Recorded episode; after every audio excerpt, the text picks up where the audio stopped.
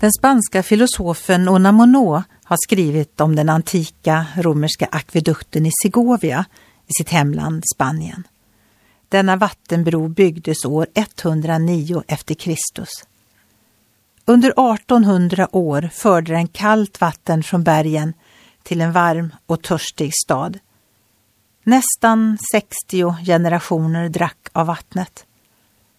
Sen kom en ny generation som sa denna akvedukt är ett så stort underverk att den bör bevaras för våra barn som ett museiföremål. Vi ska befria den från arbetet som den haft under århundraden. Så gjorde de och ersatte den med moderna järnrör. Vad hände? Akvedukten började falla sönder.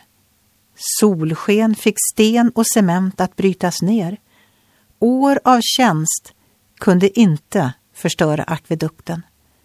Men genom att förlora tjänsten gick det.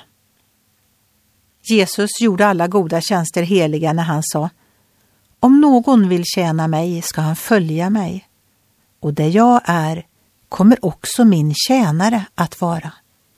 Om någon tjänar mig skall min fader ära honom.